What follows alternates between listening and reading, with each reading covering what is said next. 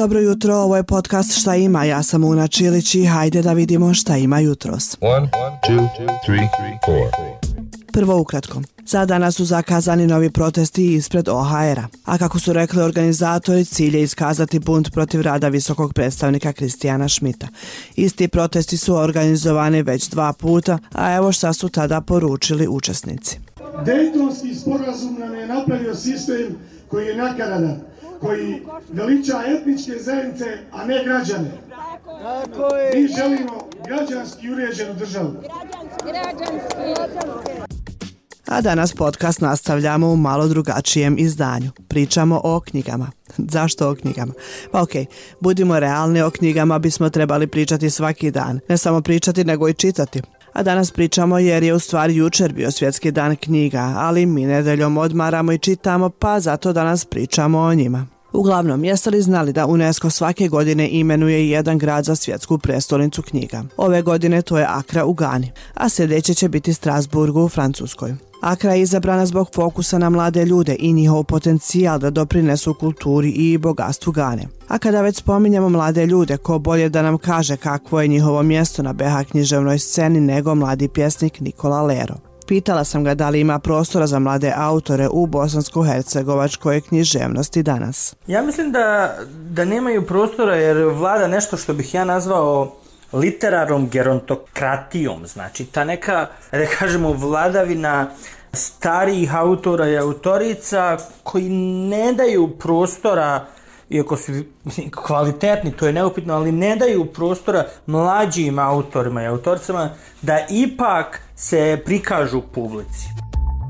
A što mislite, kakve su uopšte čitalačke navike kod ljudi u Bosni i Hercegovini? To sam pitala predstavnicu kluba čitatelja treći ponedjeljak iz Mostara, Anitu Vlašić. Anita kaže da čitanje postaje sve popularnije uprkos društvenim mrežama, koje u stvari mnogi i koriste za pronalazak preporuka.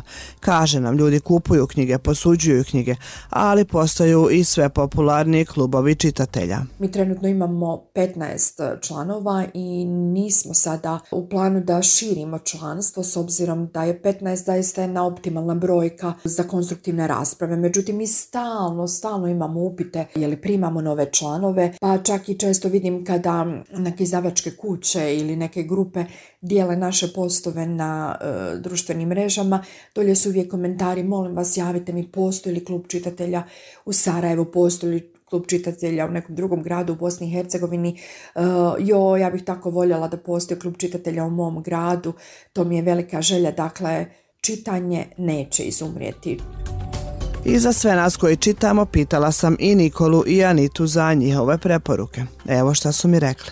Uzmite neku knjigu koju nikad do sad niste. Jednostavno otiđite u knjižaru, vidite nekog autora koji vam se svidi, uzmite i krenite čitati. Jer ja mislim da je tu jedan problem što ljudi ne, nemaju tu naviku. Tako da se možda i iznenadite, ja to često radim.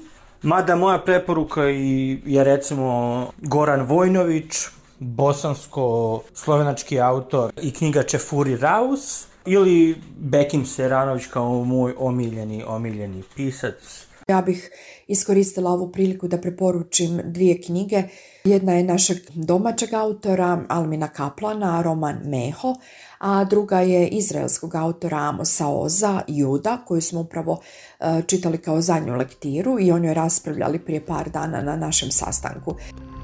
A evo i moja. Ja sam tip osobe koji će otići u knjižaru i sat vremena tražiti šta da čita, ali isto tako ću recimo pratiti i neke online grupe za preporuke. Jedna od njih je i knjigom u glavu, čitalački klub za članove Gudrica koji čitaju na BHS jezicima. I ovaj mjesec čitamo Daisy Jones and the Six. Eto, to bi bilo to. Čitajte šta da vam kažem. To je sve od mene, čujemo se neki drugi put u podcastu Šta ima, a sa vama su sutra Aida i Leila. Ćao i sretan početak radne sedmice.